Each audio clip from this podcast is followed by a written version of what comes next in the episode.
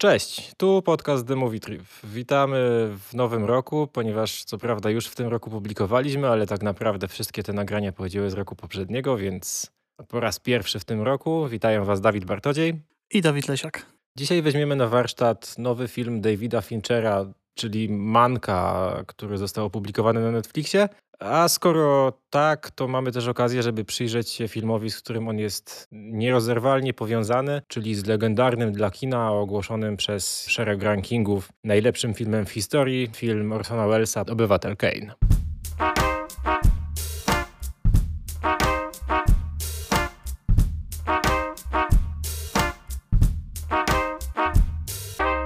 Mank Dwunasty film e, Davida Finchera, tym razem nakręcony nie dla dystrybucji kinowej, tylko dla właśnie Netflixa, tak jak powiedziałeś. Pozycja mocna, ale też mocno przegadana. Oglądamy takie swoiste lustrzane odbicie obywatela Keina, zawarte w głównej postaci filmu. Scenarzyście właśnie obywatela Keina, Hermana Mankiewicza. W jednej z e, pięknych scen, które są hołdem dla Hollywood w tym filmie, prezes wytwórni MGM Louis Mayer mówi Ars Gratia Artis, czyli sztuka dla sztuki, co zresztą po dziś dzień znajduje się w logo wytwórni. No właśnie i to chyba jest film z kategorii sztuka dla sztuki. Film, dzięki któremu jakby nagrodzony i już dojrzały twórca, reżyser, czyli Fincher, głośno zastanawia się nad tym, jak pracował, co robił przez wszystkie te lata e, i o czym było jego kino. Czyli innymi słowy, tak zwany film kinofilski, bardzo mocno automatyczny, w którym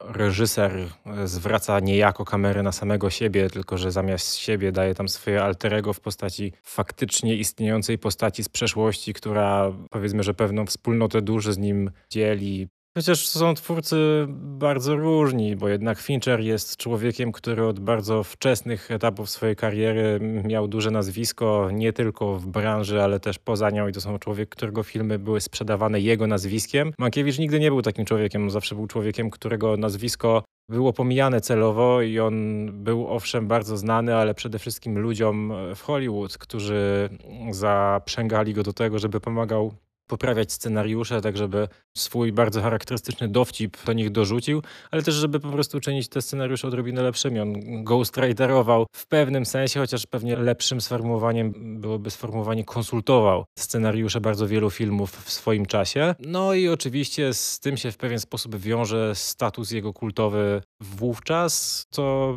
niesie za sobą cały szereg efektów, nie tylko pozytywnych, ale też, ale też negatywnych, bo ten jego kultowy status po części wiązał się z tym, że z nim się odrobinę trudno pracowało, a to z kolei wiązało się z tym, że on odrobinę lubił alkohol. No cóż, jeżeli się przytulić do tego filmu i starać się w nim znaleźć wszystko to, co najlepsze, no to, to wszystkie te rzeczy będą właśnie taką rozmową kinowców o kinie. I to moim zdaniem jest rzecz bardzo alienująca, bo film co prawda ogląda się bardzo miło, ale kiedy się zaczyna o nim myśleć, to co, to ja tam nie znajduję wiele dla siebie. Mm, I mimo, że, mimo, że cały ten ponad dwugodzinny seans całkiem przyjemnie sobie leci. Słyszałem wiele krytyki, że film męczy, no mnie osobiście nie zmęczył ale jest to jednak taka pusta kaloria, czy też pusta przyjemność. I nie wiem, czy ten film w ogóle był potrzebny, bo ja tam sobie wyobrażam, że ta historia, która została opowiedziana, czyli jak to wyglądało pisanie obywatela Keina z perspektywy Mankiewicza, jak to Orsona Wellesa prawie przy tym procesie nie było i jak to panowie potem już w ogóle nie współpracowali po odebraniu osobno swoich Oscarów za to, no to chyba fajniej by się oglądało w konwencji gadających głów, gdyby tak usadzić właśnie takich ludzi z, ze świata kina, którzy są też tym kinem, kinem zajerani i by się tak uśmiechali, wyobrażam sobie jak siedzi taki, nie wiem, Elijah Wood w golfie razem ze swoimi dwoma ziomeczkami na jakiejś kanapie, jest tam jakiś, nie wiem, łysy scenarzysta w okularach, który był kultowy 20 lat temu i on też mówi, że no tak, tak, mm, pamiętam taką historię i w ogóle. No i w tej konwencji dałoby się zrobić bardzo przyjemny 80-metrowy film dokumentalny, w którym by nam ludzie ze świata kina opowiedzieli historię właśnie z perspektywy Mankiewicza, no bo to jest ostatecznie to, co robi Fincher na takim takim najbardziej podstawowym poziomie, czyli opowiada historię człowieka z tym mniejszym nazwiskiem wokół największego filmu w historii. Czy bierze jego stronę? W pewnym sensie tak, chociaż to chyba też nie jest istotne za bardzo, bardziej stara się z nim empatyzować, bo gdzieś tam w napisach końcowych też mamy informację, że Mankiewicz wypowiedział pod koniec swojego życia takie bardzo dramatyczne słowa, że czuje, że znajduje się w pułapce, która kiedy zaczyna się rozpadać, to on ją naprawia tak, żeby mieć pewność, że z niej nie ucieknie, co też zapewne w silny sposób jest powiązane z jego alkoholizmem. A to z kolei mnie trochę boli, bo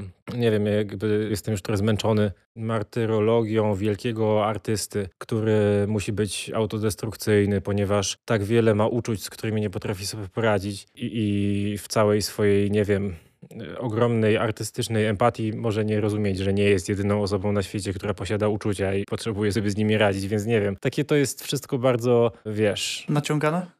No nie wiem, czy naciągane, ale czy powinniśmy się w ogóle tym zajmować? Umęczony artysta to jest postać z romantyzmu. No ostatnim razem, kiedy patrzyłem, to właśnie w romantyzmie to było interesujące. A potem to, jak się już nie ma na 100 lat, to nie jest zajmujący, wiesz, model postaci, o której można opowiadać. Tak, no to co tu mówisz, e, szczególnie tutaj o Mankiewiczu, Fincher wyciągnął sobie z Mankiewicza tylko to, czego potrzebował i ta postać jest niekompletna. Są tylko jej najbardziej charakterystyczne cechy wyciągnięte jakby na, na, na pierwszy plan i to nimi się bawi w sposób z jednej strony bardzo oczywisty, no bo mamy do czynienia z jakąś tam biografią, a z drugiej strony traktuje postać bardzo plastycznie. Gary Oldman oczywiście super to dźwignął i tutaj nie ma, nie ma absolutnie zastrzeżeń. Natomiast Fincher po raz pierwszy, i to jest może jakiś tam na drugim planie ciekawe dla mnie, że on po raz pierwszy e, opowiedział historię inaczej, niezgodnie z dotychczasowym swoim stylem i zaprzęgnął do tego oczywiście ogromną machinę jakiejś nostalgii e, odtwarzania e, funkcjonowania kina w tamtych czasach, w latach 30 40., ale nadal opowiada tą samą historię, czyli po części zachwyt, a po części wielkie rozczarowanie i smutek nad tym, jak ta machina Hollywood e, funkcjonuje i nad tym, jak e, świat łatwo prowadzi do destrukcji ludzi zdolnych, jak łatwo niszczy marzenia. No i tutaj od razu są jakieś tam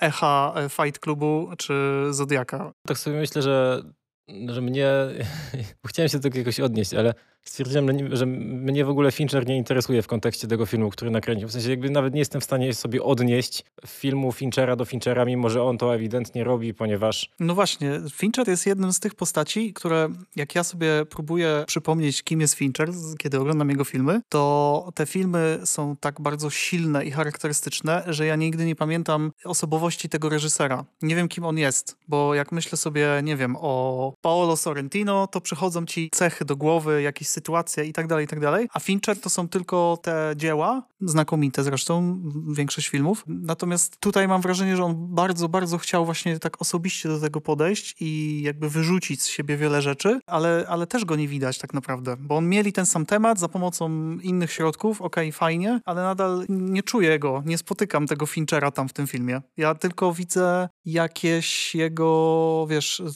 sprytne pomysły i tak dalej, i tak dalej. Widać znowu tylko tą jego inteligencję powiedzmy filmową, tak sobie to roboczo tutaj nazwę. Nie wiem, czy to dobre określenie. Natomiast nie widać, e, nie widać samej osoby, a on bardzo by chciał chyba. Myślę sobie, że Mank jest zbudowany w ten sposób, żeby snuć pewną analogię do analogii. To, to znaczy, oryginalny obywatel Kane, jak Zresztą mówi nam tutaj Fincher, jest scenariuszem opartym na prawdziwych ludziach, tam na magnacie prasowym Herście przede wszystkim, który tutaj jest pierwowzorem postaci Keina i oczywiście jest szereg postaci takich jak na przykład druga żona Keina, która też jest wzorowana na ówczesnej kochance wieloletniej zresztą Hersta. Jak to z reguły bywa w takich sytuacjach, musimy sobie obserwować sceny, w których twórca scenariusza konfrontuje się z postaciami, których alter ego stworzył na potrzeby ekranu i im tłumaczy, że nie, nie, to w ogóle nigdy nie było pomyślane o was, a oni wszyscy przecież doskonale wiedzą, że to jest o nich i nie wiem, po co oni w ogóle gadają na ten temat. Natomiast jeżeli Kane jest e, odwzorowaniem Hersta, to w pewnym sensie możemy się zacząć zastanawiać, czy mm, Fincher nie zrobił tutaj takiego podwójnego salta i czy wewnątrz Manka nie znajdujemy odwzorowań postaci z Keina? Czyli innymi słowy, czy nie zakręcił pełnego koła i czy na przykład nie próbował w postaci samego Mankiewicza umieszczać cech charakterystycznych dla Keina i, i z żalem stwierdzam, że nie.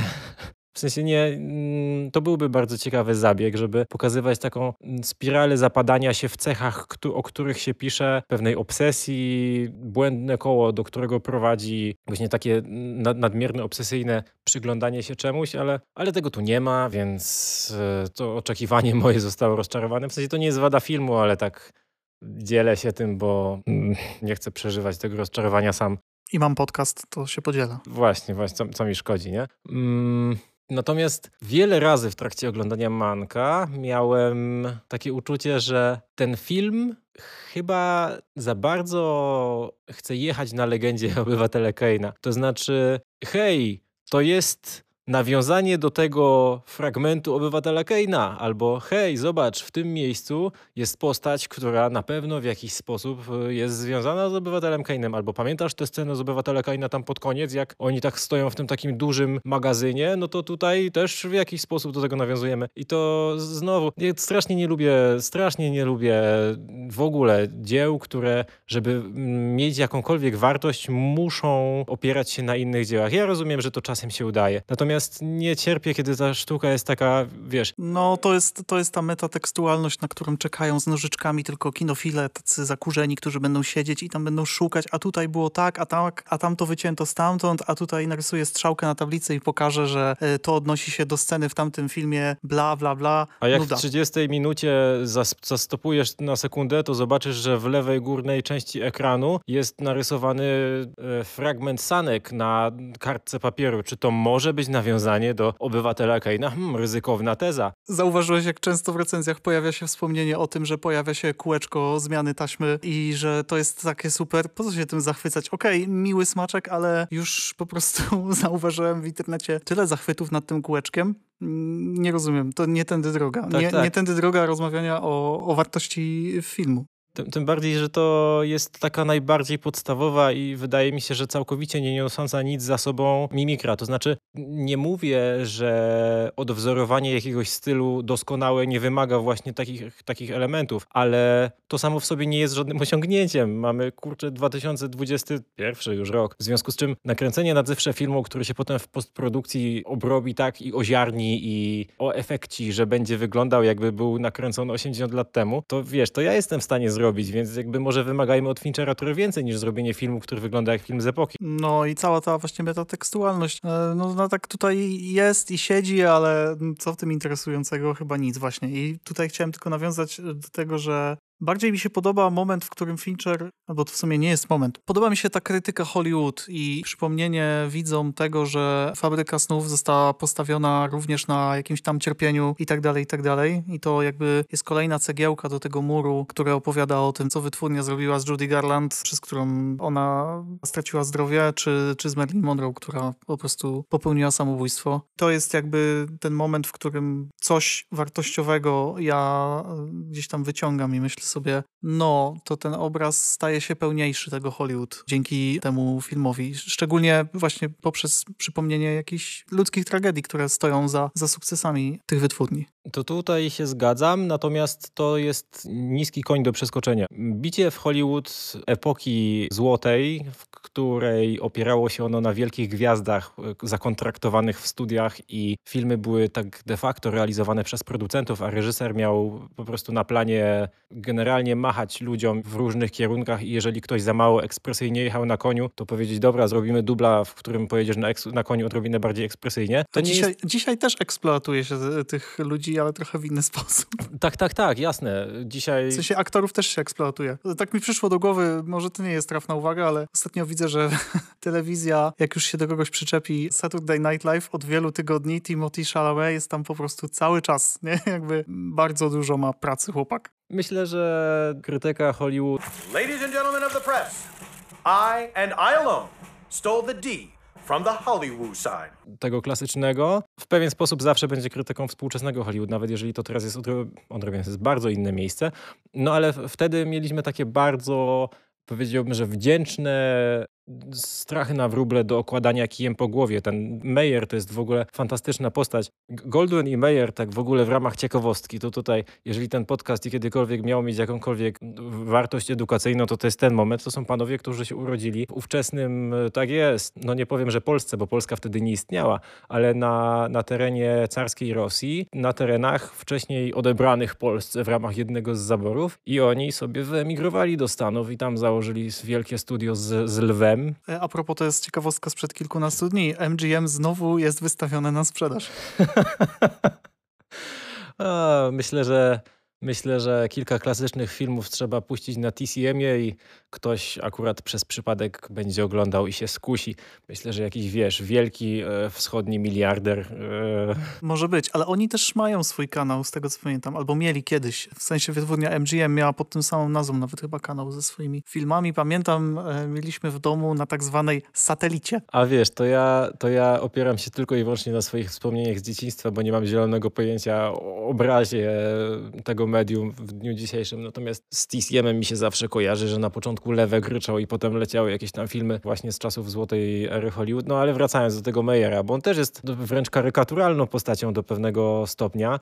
Jest bardzo dużo takich stereotypów, które są wlane w niego, takiego e, obrotnego slash irytującego Żyda, które w amerykańskim kinie występują bardzo często będę strzelał, że, że Meyer, jeżeli ktoś posiadał tyle władzy w tamtych czasach, to z dużą dozą prawdopodobieństwa można założyć, że miał swoje zapasnokciami. W związku z czym obserwujemy sobie, jak on idzie przez e, teren wytwórni. Zresztą bardzo ładna scena nakręcona z wózka. Postaci idą w kierunku kamery, wózek sobie jedzie tam trzy kroki przed nimi i my obserwujemy, w jaki sposób zmieniają się ich twarze, jak tam Meyer tłumaczy Mankiewiczowi, że tak naprawdę to MGM to wcale nie oznacza Metro Goldwyn Mayer, tylko to oznacza z jidysz, że cała rodzina Meyera, czy coś w tym stylu. I że wielką gwiazdą tego studia to wcale nie jest żaden z aktorów, którzy są na payrollu, tylko to jest ten lew, który tam kryczy na początku każdego filmu i każdy wie, że ten lew to oznacza studio MGM. I po takim wielkim e, mastershocie, który trwa chyba z 3 minuty, jak oni sobie idą przez to studio, Meyer wchodzi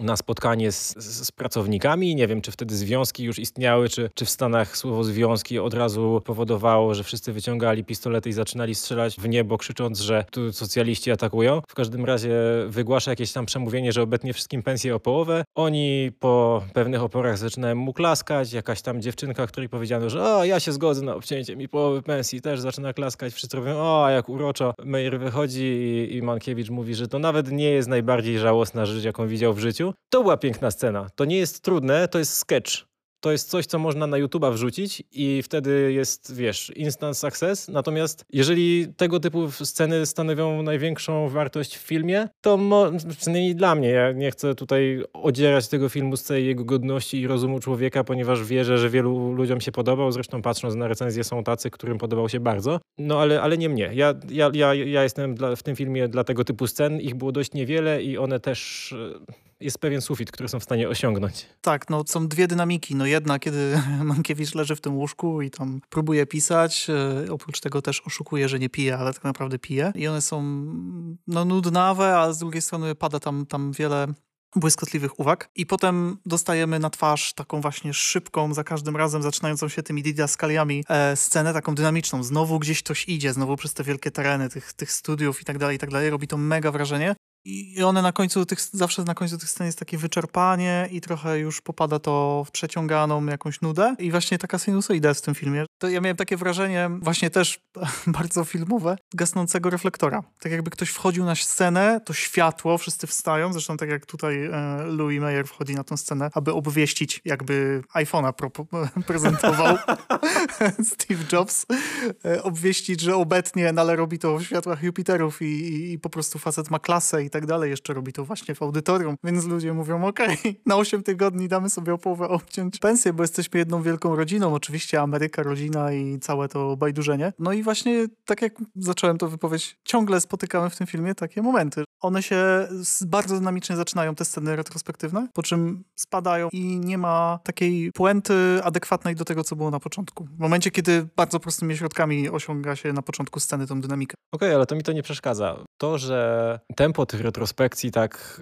spada z każdą kolejną minutą ich trwania, to ma sens o tyle, że Wygasa. Kiedy się tak, wygasa. To ma sens o tyle, że, że kiedy retrospekcja się kończy, to my najczęściej wracamy do tego porządku czasowego współczesnego, czyli do roku 40, w którym Mankiewicz po wypadku leży sobie w łóżku i w większości wypadków on śpi, z tego powodu, że albo śpi, bo po prostu śpi, albo śpi, bo za dużo wypił, a ludzie się nim opiekujący nalali mu środków nasennych do alkoholu, żeby nie wypił za dużo. W związku z czym to jest takie bardzo płynne przejście, kiedy, kiedy scena retrospekcji zaczyna wygasać, tam tempo schodzi i, I w tym momencie budzimy się razem z Mankiewiczem w łóżku na kacu najczęściej. Mm, no okej, okay, to też jest odczytanie. Mnie to właśnie denerwowało. Ale w ogóle ten sposób cięcia, no to on z samym obywatelem Kainem bardzo, bardzo dużo pokrewieństwa ma, bo, bo obywatel Kain też się zasadza na retrospekcjach. I to w ogóle jest jeden z pierwszych obrazów w historii kina, który w tak nowatorski sposób użył achronologicznej narracji. I tego wewnątrzkadrowego montażu też. Tak, tak, tak, tak, tak. I to w sensie, no tam wiadomo, że, że, że Griffith jeszcze we wcześniejszych latach robił rzeczy, ale to było jednak zupełnie inne kino, bo film Wellsa to w zasadzie jest współczesne kino. Oczywiście aktorzy grają z tą emfazą taką jeszcze właściwą swoim czasom, ale poza tym to jest film, który mógłby się pojawić dzisiaj i poza jakimiś tam drobnymi anachronizmami by się obronił. Mm, no, poza tym, że ludzie by powiedzieli, że jest wtórny, ponieważ powiela to wszystko, co e, pojawiło się w tych wszystkich innych filmach, które powstały dlatego, że, że obywatelka prowadził tyle rewolucji rewolucji. Mm, I o tym w ogóle też bym chciał chwilę pogadać. Przed chwilą się tak zarzekałem, że tutaj nie, żadnej misji edukacyjnej nie niesiemy, ale o tych wszystkich, wiesz, ciasnych kadrach, o filmowaniu posągowym z perspektywy podłogi, czy też paru centymetrów na podłogą, tak żeby postaci, w szczególności ten Kane się wydawał większy, kiedy jest w pomieszczeniach, kiedy oni są w tej redakcji i, i on wygląda jak miał zaraz uderzyć głową o sufit, ponieważ jest tak ogromny, a to pomieszczenie jest tak małe, by chwilę później w bardzo podobnej sytuacji znajdował się w odrobinę innym budynku, który jest w wysokości tam, nie wiem, hali targowej albo hangaru samolotowego. Zupełne standardy dzisiaj.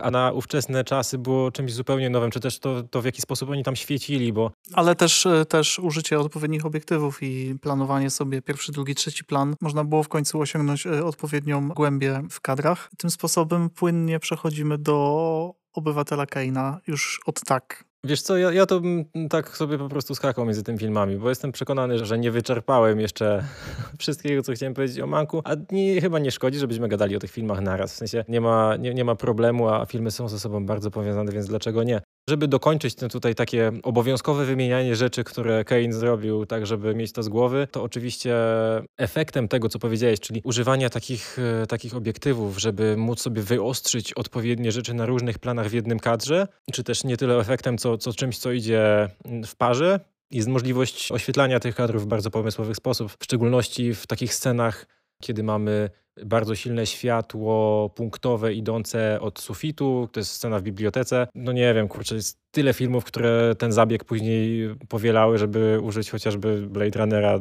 2049 Villeneuve'a, w którym jest niemalże identyczna scena pod kątem świecenia. Coś, co jest absolutnie rewolucyjne jak na tamte czasy, albo fakt, że mamy postaci, które są na pierwszym planie i które są niedoświetlone, są twarze w cieniach, a doświetlony jest drugi plan, też zupełnie, zupełnie niespotykane wówczas. W ogóle bardzo ostre świecenie w konkretne punkty, a nie tak jak to z reguły bywało w kinie, miękkie światło oświetlające drugi plan i punkt punktowe na, na pierwszy, tak żeby było jasne, że tutaj gwiazdor na pierwszym planie gra, robi robotę i, i przede wszystkim szczerze zęby, a, a w tle postaci epizodyczne choreografię jakąś tam odwalają. Mm, rzeczy takie jak fakt, że większość obsady to są ludzie, którzy debiutują. To też jest pierwszy taki film, dzieło wielkiego artysty, bo ten Wells, co dla mnie jest cały czas szokujące. Nakręcił to mając 25 lat. Co złego by nie powiedziała o Wellsie Paulinka L., co złego by nie, nie wynikało z tego filmu na temat tego, jak on powiedzmy, że z góry potraktował Mankiewicza, bo Mankiewicz tu stworzył dzieło swojego życia, a, a Kane,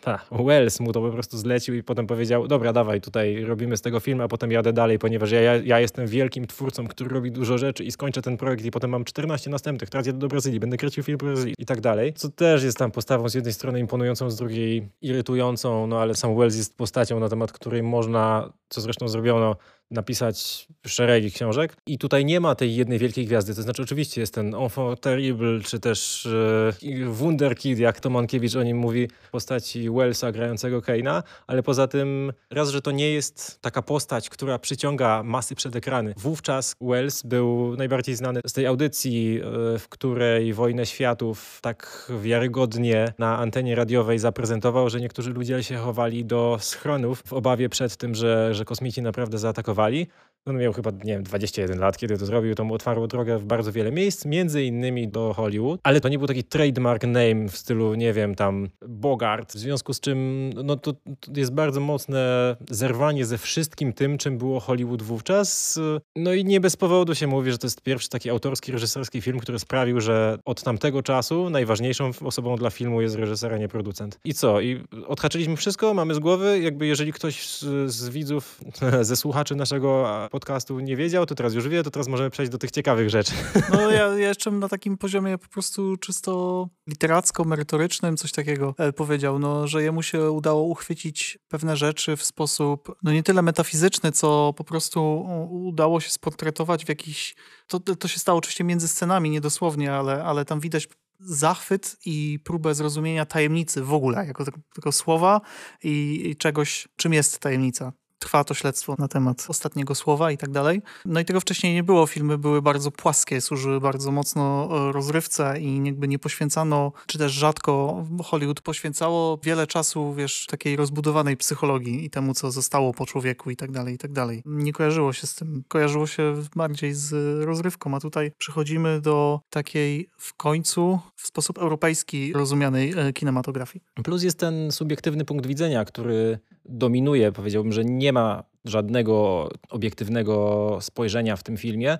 No właśnie, kino autorskie. Mm, ale chodzi mi, o, chodzi mi konkretnie już o opinię na temat postaci Keina, bo kino, do którego widz był wtedy przyzwyczajony w Stanach Zjednoczonych, wyglądało tak, że mamy bardzo jasnego protagonistę i bardzo jasnego antagonistę lub też szereg z nich, zależnie od tego, jak szybko jest w stanie protagonista strzelać albo walić z, pię z piąchy. A tutaj nie ma takiej sytuacji. Mamy Keina, który jest de facto antybohaterem i obserwujemy jego w retrospekcjach za pomocą słów innych ludzi, w związku z czym żadna z tych relacji nie jest wiarygodna i my jedyne co możemy to sobie spróbować jakoś uśrednić to wszystko, co nim słyszymy i wyrobić jakąś opinię na ten temat. I to też jest rewolucyjne, bo wcześniej wiedzieliśmy, że John Wayne strzela szybko, jedzie na koniu i na koniec jest e, zwy zwycięzcą, bo to jest, to jest ten koleś, któremu kibicujemy, a jak się kończy Obywatel Kane, to mamy takie o, okay, czyli z kim był w sumie ten koleś? Był takim skrajnym egoistą, czy może jednak y, coś chciał, a potem się zepsuł? Czy, czy może to jest przy, przypadek upadłego idealisty? A może to jest koleś, który chciał zrobić na złość po prostu staremu człowiekowi, którego wychowywał? A może przez całe jego życie powodowała nim wiesz, powodował nim żal do matki, że go zostawiła i przez to tęsknił za sankami. No. Tak, no to jest w kinie amerykańskim wielki krok ku spojrzeniu na nieoczywistość i półcień w człowieku, który się znajduje, który jest wielokrotnie częściej ciekawszy niż e, to, co widzowie oglądali wcześniej. No, oglądali też dlatego, że czasy były takie, a nie inne, były smutne, więc e, kino było tanie i pozwalało się, jak już kiedyś mówiliśmy, rozerwać od trudów wielkiego kryzysu, który trwał w latach 30. I co więcej, jak już się ten kryzys zdążył skończyć, to się zaczęła druga wojna, do której Stany po, po pewnym czasie dołączyły również. Podoba mi się takie kontekstualne rozmawianie o Kejnie, a nie o samym filmie, filmie. To lepiej robi tej rozmowy. Wiesz co, ja, ja w ogóle, bo ja zobaczyłem ten film po raz pierwszy w życiu przed chwilą. Jest bardzo wiele filmów, które zobaczyłem za szybko w swoim życiu i jakby to nie zrobiło im żadnych przysług, że tak powiem. W szczególności dotyczy to, to tego kina o kontekście, wokół którego trzeba troszeczkę wiedzieć, żeby w ogóle je oglądać i żeby to miało jakikolwiek sens. Zupełnie swoją drogą jest całe mnóstwo filmów, które zobaczyłem dokładnie wtedy, kiedy je trzeba było zobaczyć, bo gdybym jeszcze trochę poczekał, to już by mi się nie podobały, a tak to dały mi dużo radości. O tym musimy porozmawiać. A to tak, to, to innym razem, ale tutaj Ridley Scott jest, jest nazwiskiem, które by się pojawiło wielokrotnie, ale no zobaczyłem sobie ten film i tak stwierdziłem, że to w ogóle ocenianie go nie ma sensu, kiedy się go ogląda dzisiaj. W sensie to, że się wie, co on znaczy dla kultury, to jest jedno. To, że się tego może dowiedzieć i się stwierdza, a okej, okay, czyli wcześniej było tak, a, a później było tak, to jest jakaś wartość, bo to tworzy wiedzę na temat w ogóle historii kultury, a A to zawsze jest ciekawe, znaczy przynajmniej dla mnie, być może nie dla każdego, no ale wydaje mi się, że, że to w jaki sposób media ewoluują, to to jest interesujące, nie? Pozwolę sobie wtrącić się tutaj, ale to jest jeden, je, Obywatel Kane jest jednym z tych filmów, które są pomnikowe oczywiście, ale to nie jest pomnik właśnie zakurzony. To nie jest y, film, który powoduje, że myślisz sobie mm, kanon, nuda, bo jak już go oglądasz, to nadal działa. Ale to właśnie chyba też dlatego, że ta ponadczasowość i to, że masz nadal dziwisz się oglądając go, że wow, wtedy zrobiono coś takiego, przecież dzisiaj filmy tak wyglądają, to to utrzymuje go przy życiu.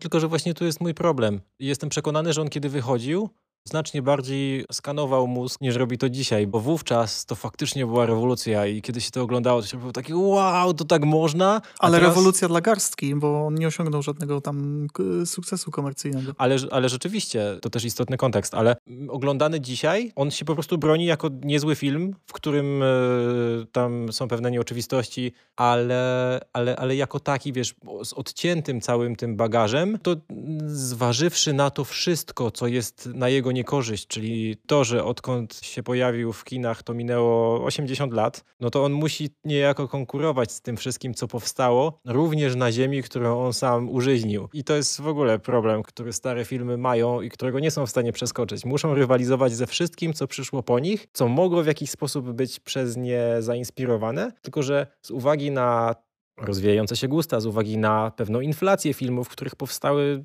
w samych Stanach Zjednoczonych setki tysięcy, jeśli, jeśli nie miliony. Jest taka granica, po przekroczeniu której trudno mieć jakiekolwiek odczucie swoje własne. Tak, tak bym to Myślę, że to jest dobre ujęcie tego, do czego zmierzam. Jak usłyszysz na jakiś temat wystarczająco dużo, zanim się z tym spotkasz, to nie jesteś w stanie podejść do tego tak całkowicie, wiesz, twoja opinia nie będzie w żaden sposób już unbiased. No to jest jak z oglądaniem trailerów. Jak ktoś jest nieodporny, to potem nie może obejrzeć dobrze filmu, albo sugeruje się rzeczami, albo jak z czytaniem recenzji. No tak, tylko że, że 10 razy bardziej, bo tutaj mówimy o filmie, który jest największym filmem w dziejach, jak to tam dziennikarze bardzo mocno pchali przez długi czas, ale jednocześnie, jeżeli ty tego o nim nie wiesz, to to też niedobrze dla ciebie, ponieważ z jednej strony, żeby go w pełni docenić, musisz wiedzieć, ile on zrobił dla kina, ale z drugiej strony, jeżeli chcesz, żeby twoja opinia była tylko twoja i w żaden sposób nie zakłócona niczym innym, co usłyszałeś, to nie możesz wiedzieć tego pierwszego, więc zobaczysz go na czysto i stwierdzisz, ok, dobra, fajny film, ale coś tam, i wszystkie te ale są anulowane przez, przez kontekst, że to było w takich czasach, w których te wszystkie rzeczy, które on robi, to są niestandardowe. Więc zgadzam się, że on się nie zestarzał pod kątem tego, że się go miło ogląda i po dwóch godzinach się stwierdza, okej, okay, ciekawa historia, może tam ta myśl na sam koniec, że o, to jest y, jak układanie puzli, próba rozszyfrowania, kim jest dany człowiek. I wtedy widzisz, że te wszystkie symbole i metafory używane na przestrzeni filmu są odrobinę dęte. Z dzisiejszej perspektywy wówczas nie były. Ale ponownie, nie można zarzucić zarzucić filmowi wtórności wobec rzeczy, które przyszły po nim, nie? To jest kino, które też powinno się oglądać właśnie, tak jak mówiłeś, w określonym wieku. Tak jak w określonym wieku, czyli pewnie po 50 każdy powinien przeczytać coś Marcela Prosta. No, myślałem, że chcesz powiedzieć, że, że Hemingwaya trzeba zacząć czytać po 50. Hemingwaya czytałem w wieku 18 lat, też było ok. Okej. Okay. Ja, ja czytałem i, i nie było ok. Ej, dobra, to, to przerywnik, to przerywnik. Wracamy na szybko do Manka, bo mi się przypomniało, przypomniała mi się zagrywka, którą miałem tutaj zrobić i, i zupełnie nie zapomniałem. Jak usłyszałem tytuł Mank i nie wiedziałem wówczas nic na temat Mankiewicza jako takiego, w związku z czym zastanawiałem się skąd się w ogóle wziął ten tytuł i dopiero przeczytanie zajawki mnie oświeciło, to moje pierwsze skojarzenie było takie, że to brzmi bardzo jak francuskie słowo na, na brak czegoś albo na to, że komuś czegoś brakuje. I zacząłem sobie myśleć, że kurczę, to jest takie bardzo nietypowe, charakterystyczne słowo, więc chciałbym zadać Ci pytanie. Jakie jest Twoje ulubione słowo, które zaczyna się od mank po polsku? Zapomniałem o tym wątku, ale miałem jakieś słowo. To ja zacznę, to może nawet nie ulubione. Zróbmy konkurs. Kto jest w stanie wymienić więcej? Ja zacznę, ja powiem mankiet. Jezu, mam pustkę. Czemu teraz? Mankament 2-0. Mank Darynka 3 do 0. Koniec. Okej, okay. no i jakie jest clue?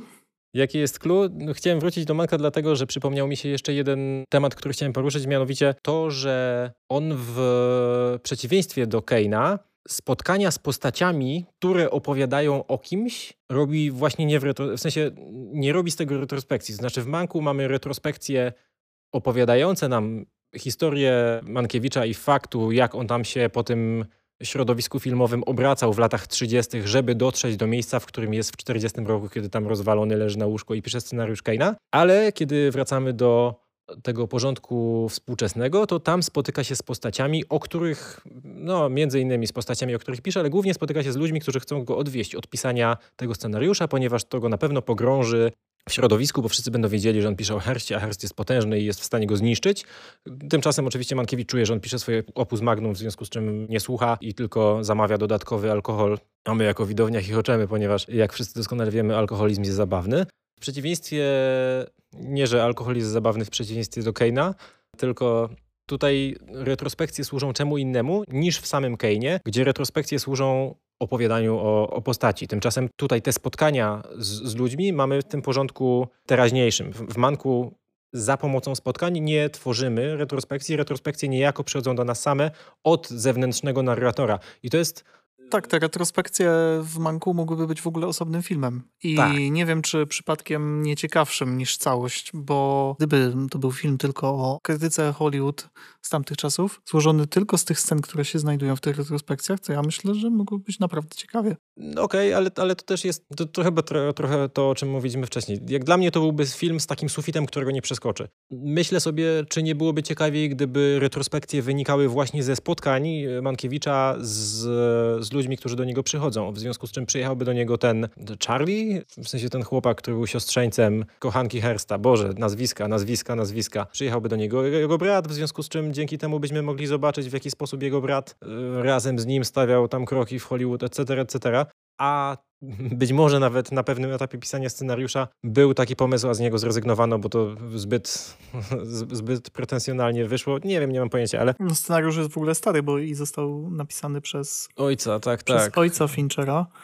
Dwadzieścia parę lat temu. Dwadzieścia parę lat temu i chyba z tego, co gdzieś wyczytałem, nie był specjalnie obrabiany przez Davida z szacunku na okay. dzieła ojca. No, no to widzisz, to zastanawiam się, bo być może to byłoby. Nie, nie, mam problemu z tym, jak są te retrospekcje poprowadzone, ale bardziej e, kejnowe byłoby, gdyby retrospekcja zaczynała się w efekcie rozmowy prowadzonej z ludźmi, którzy do Manka przyjeżdżają tam na to wygwizdowo, na którym on siedzi, poci się, pije i pisze. No ale to, to taka jakby drobna dygresja konstrukcyjna, która do mnie przyszła przed chwilą. Myślałem, że w jakiś sposób to coś uruchomi u ciebie, ale widzę, że nie. Nie, bo zastanawiam się nad jedną rzeczą. Kane był o pewnej tajemnicy i o nieoczywistości człowieka i zadawał pytanie o to, czy ten człowiek może osiągnąć w jakiś tam sposób szczęście i tak dalej, i tak dalej. No a Fincher nie pytał te rzeczy. Fincher tutaj ma tego Kane'a z jednej strony, a z drugiej strony on nadal mówi o swoich obsesjach. Reflektuje nad katastrofą i chaosem. Może to spowodowało, że te filmy się tak naprawdę za bardzo nie spotykają w środku. Spotykają się tylko pod względem tego, co już mówiłeś, czyli że a, używamy obywatela Keina, no bo przecież to jest Mankiewicz. Tak wyciągniemy tę historię. Tymczasem to lustro, które on zaproponował, to odbicie, to dziwne odbicie, zmodyfikowane jeszcze w dodatku, jak w jakimś gabinecie, które skupia się w postaci Manka, powoduje, że daleko, bardzo daleko jest ten Kane jest dużo nawiązań, ale to mógłby być tak naprawdę film o zupełnie jakimś innym filmie. Film o innej historii, pisaniu innego scenariusza. Można by powiedzieć, że on został użyty tylko i wyłącznie jako pretekst. Pytanie brzmi, czy, czy to nie jest zbyt surowa ocena, bo jednak w centrum kadru cały czas jest Mankiewicz, więc być może nie Kane jest tutaj kluczowy, ale, ale sam ten człowiek i jakaś próba oddania mu no właśnie, czy, czy, oddania, no nie wiem, to oddanie chwały Mankiewiczowi to już się wydarzyło w przeszłości, właśnie chociażby w esejach KL, o których wspominaliśmy, ale... Może za mało relacji między Wellsem a, a Mankiewiczem w tym filmie. Niby tak, ale z drugiej strony Wells ma być celowo nieistotny dla Manka, w związku z czym on jest taką postacią, powiedzmy, że młodym, brodatym bogiem, który się pojawia troszeczkę tak jak pojawia się przestępca w pewnego razu na Dzikim Zachodzie, przychodzi bardzo długo rozmyty w jednym kadrze, zanim się faktycznie pojawia tuż przed naszym głównym bohaterem i coś tam do niego mówi z pozycji trzech pięter wyżej, a, a potem znika. I to mi przypomina, że jest taka scena, w której oni się kłócą i Wells rzuca tam kuferkiem z alkoholem o o kominek i wtedy Mank robi oj, doskonałe, doskonałe, że tak rzuciłeś, bo to, bo to będzie doskonale pasowało do takiej sceny, w której Kane jest zdenerwowany, bo go żona zostawia. I to był moment, w którym przeszły mnie lekkie ciarki żenady. To był najgorszy typ sceny z gatunku skoro ten film jest wokół Keina, to będziemy tutaj tak sobie nawiązywali. I tutaj tak nawiązywaliśmy, pokazaliśmy, jak prawdziwe wydarzenie, które widzimy w dodatku na własne oczy, zainspirowało scenę w filmie i to nigdy nie jest dobre. Tak, nie jest dobre. To jest taka nadeksploatacja błyskotliwości i, i wykorzystywania przypadku. Ja też tego nie lubię. No, po prostu tym filmem rządzą skrajności. I to jest chyba właściwe słowo. Skrajność to jest coś, co jest taką metką, którą można przyczepić, którą ja przyczepiam tutaj w tym momencie temu dziełu. Dobra, to myślę, że będziemy zmierzali do końca pomału. Ja spróbowałem jednej metody odwrócenia dyskusji od filmu na zabawy semantyczne, nie udało się, więc teraz spróbuję odwrócenie dyskusji od filmu na generalne rozważania na temat medium. Czy w 2021 roku oglądać się czarno-białe filmy dobrze, czy źle? Y, dobrze, ale wiesz co, ja mam taką podzielę się, to jest tajemnica, Podzielę się y, tym, co robię z czarno-białymi filmami, w sensie jakie oglądam. Kilka razy w roku wracam do starych filmów i kilka razy w roku również wracam do starych czarno-białych filmów, które już widziałem. I one się powtarzają, jest, są jakimś takim cyklem, który, który stosuję, bo po prostu przychodzi moment, w którym myślę sobie, mam ochotę na ten film, bo sprawiał mi dużą przyjemność. Wiąże się pewnie z jakimś sentymentem, ale tak, lubię, oglądam, nie bardzo często, ale no myślę, że tak do 10 razy w roku tak. Pytam o to, bo ja zdałem sobie sprawę z, przy oglądaniu Manka, że ja jestem strasznie basic pod tym względem i jedną z rzeczy, które lubię w kinie jest to, co się dzieje z kolorami i to, w jaki sposób światło zmienia kolory i to w czarno-białym filmie nie jest niemożliwe do uzyskania, ale jest niemalże niemożliwe. Parę lat temu był taki, no, ocierający się o wybitność film pod tytułem W objęciach węża, który jest skręcony w dżungli amazońskiej i on też jest czarno-biały i z tego filmu się kolory wręcz wylewają i to był niesamowity dla mnie efekt, bardzo hipnotyzujący. Sam Kane też jest takim filmem, który pomimo tej swojej e, monochromatyczności to też jest jednak, ma bardzo duże kontrasty i wyobrażam sobie, że te remastery, które są robione przez Criteriona i inne podobne organizacje na pewno nie przeszkadzają w tym, że, że film jest ostrzejszy i, i głębia obrazu jest większa i to się lepiej ogląda. Ale już przy samym Manku miałem takie uczucie, że, że ta czarno-białość to jest pewien gimmick taki, że to jest prowadzone tylko i wyłącznie dlatego, że sam Kane był czarno-biały, więc tutaj też musimy pewną czarno-białość nadać. I nie przepadam za współczesnymi filmami, które pozbywają się barw niejako bez celu. Mam wrażenie, że... Przykład poproszę. Nie czuję, że Zimna Wojna musi być czarno-biała. Wydaje mi się, że w przeciwieństwie do poprzedniego filmu Pawlikowskiego, gdzie ta czarno-białość jest esencjonalna dla tego, czym jest Ida, to w Zimnej Wojnie to jest dla mnie też gimmick, taki, że ta historia będzie bardziej francuska. Tak, dokładnie. Więc znowu, nie artystyczne, kreatywne wykorzystanie czegoś, a mimikra. Kilka dni temu widziałem trailer Malcolm and Mary. Będzie 5 lutego na Netflixie taki film, w którym zagra John David Washington i Zendaya. Jestem bardzo ciekaw, bo właśnie ten film będzie czarno-biały i tak się zastanawiam, czy przypadkiem Netflix nie będzie szedł w, taką stronę, że hmm, wyeksploatowaliśmy już tak wiele rzeczy, ale nie wyeksploatowaliśmy czerni i bieli, to może będziemy tutaj na przykład proponować producentom i reżyserom, tym co bardziej znamienitym, żeby to szło w, ten, w tę stronę, bo może to stać się e, jakimś tam trendem. Myślisz, że Netflix zapuszcza cienki wąsik, zakłada spodnie w kant na 7 ósmych, biały kapelusz i zaczyna mówić z francuskim akcentem? No, to jasne, że tak. Ja myślę, że wiesz, jeżeli to tylko ma przynieść pieniądze, to po pierwsze, dlaczego nie? Po drugie, Dolina Krzemowa mocno, mocno inwestuje teraz w kino. No i co? No tam jeszcze nie była. Była już w wielu miejscach, jeśli chodzi o filmy i się bardzo rozwija, a tam jeszcze nie, ale dlaczego też nie? Przecież to też można spieniężyć. No tak, tak. Każda forma mm, nie wiem, czy słowo nostalgia jest tutaj na miejscu, wydaje mi się, że nie jest, ale do wszystkiego można wrócić i sprzedać to jeszcze raz. To co, jak, jak oceniasz Manka? Podobał ci się Mank, nie, czy, nie, czy nie fajny Mank? Podobał mi się. Mank jest filmem przyjemnym. Jasne, wymaga skupienia i jakiegoś minimum tam wiedzy o, o historii kina, historii Hollywood i tego, jak, jak kiedyś wyglądała produkcja filmów. I jeśli się tam nie będziemy zagłębiać na te szerokie wody jakiejś tek- metatekstualności i tak dalej, tylko po prostu posłuchamy tych dialogów, tych celnych uwag, które tam padają i też docenimy stronę wizualną, to tak, no przyjemny, przyjemny seans, siódemka. 7 na 10. Tak, tak. Siódemka to jest taka bezpieczna ocena do tego filmu. Zacytujesz sam siebie. Tak, tak. Oceniłem go na 7 i jeżeli miałbym o Manku powiedzieć jedno zdanie, to powiedziałbym, że jest to film. Dziękuję. To co, słyszymy się następnym razem, a póki co pozdrawiamy z Centrum Kultury Zamek w Poznaniu. A tymczasem trzymajcie się ciepło. Mówili do Was Dawid Lesiak, i Dawid Bartodziej. Cześć. na razie.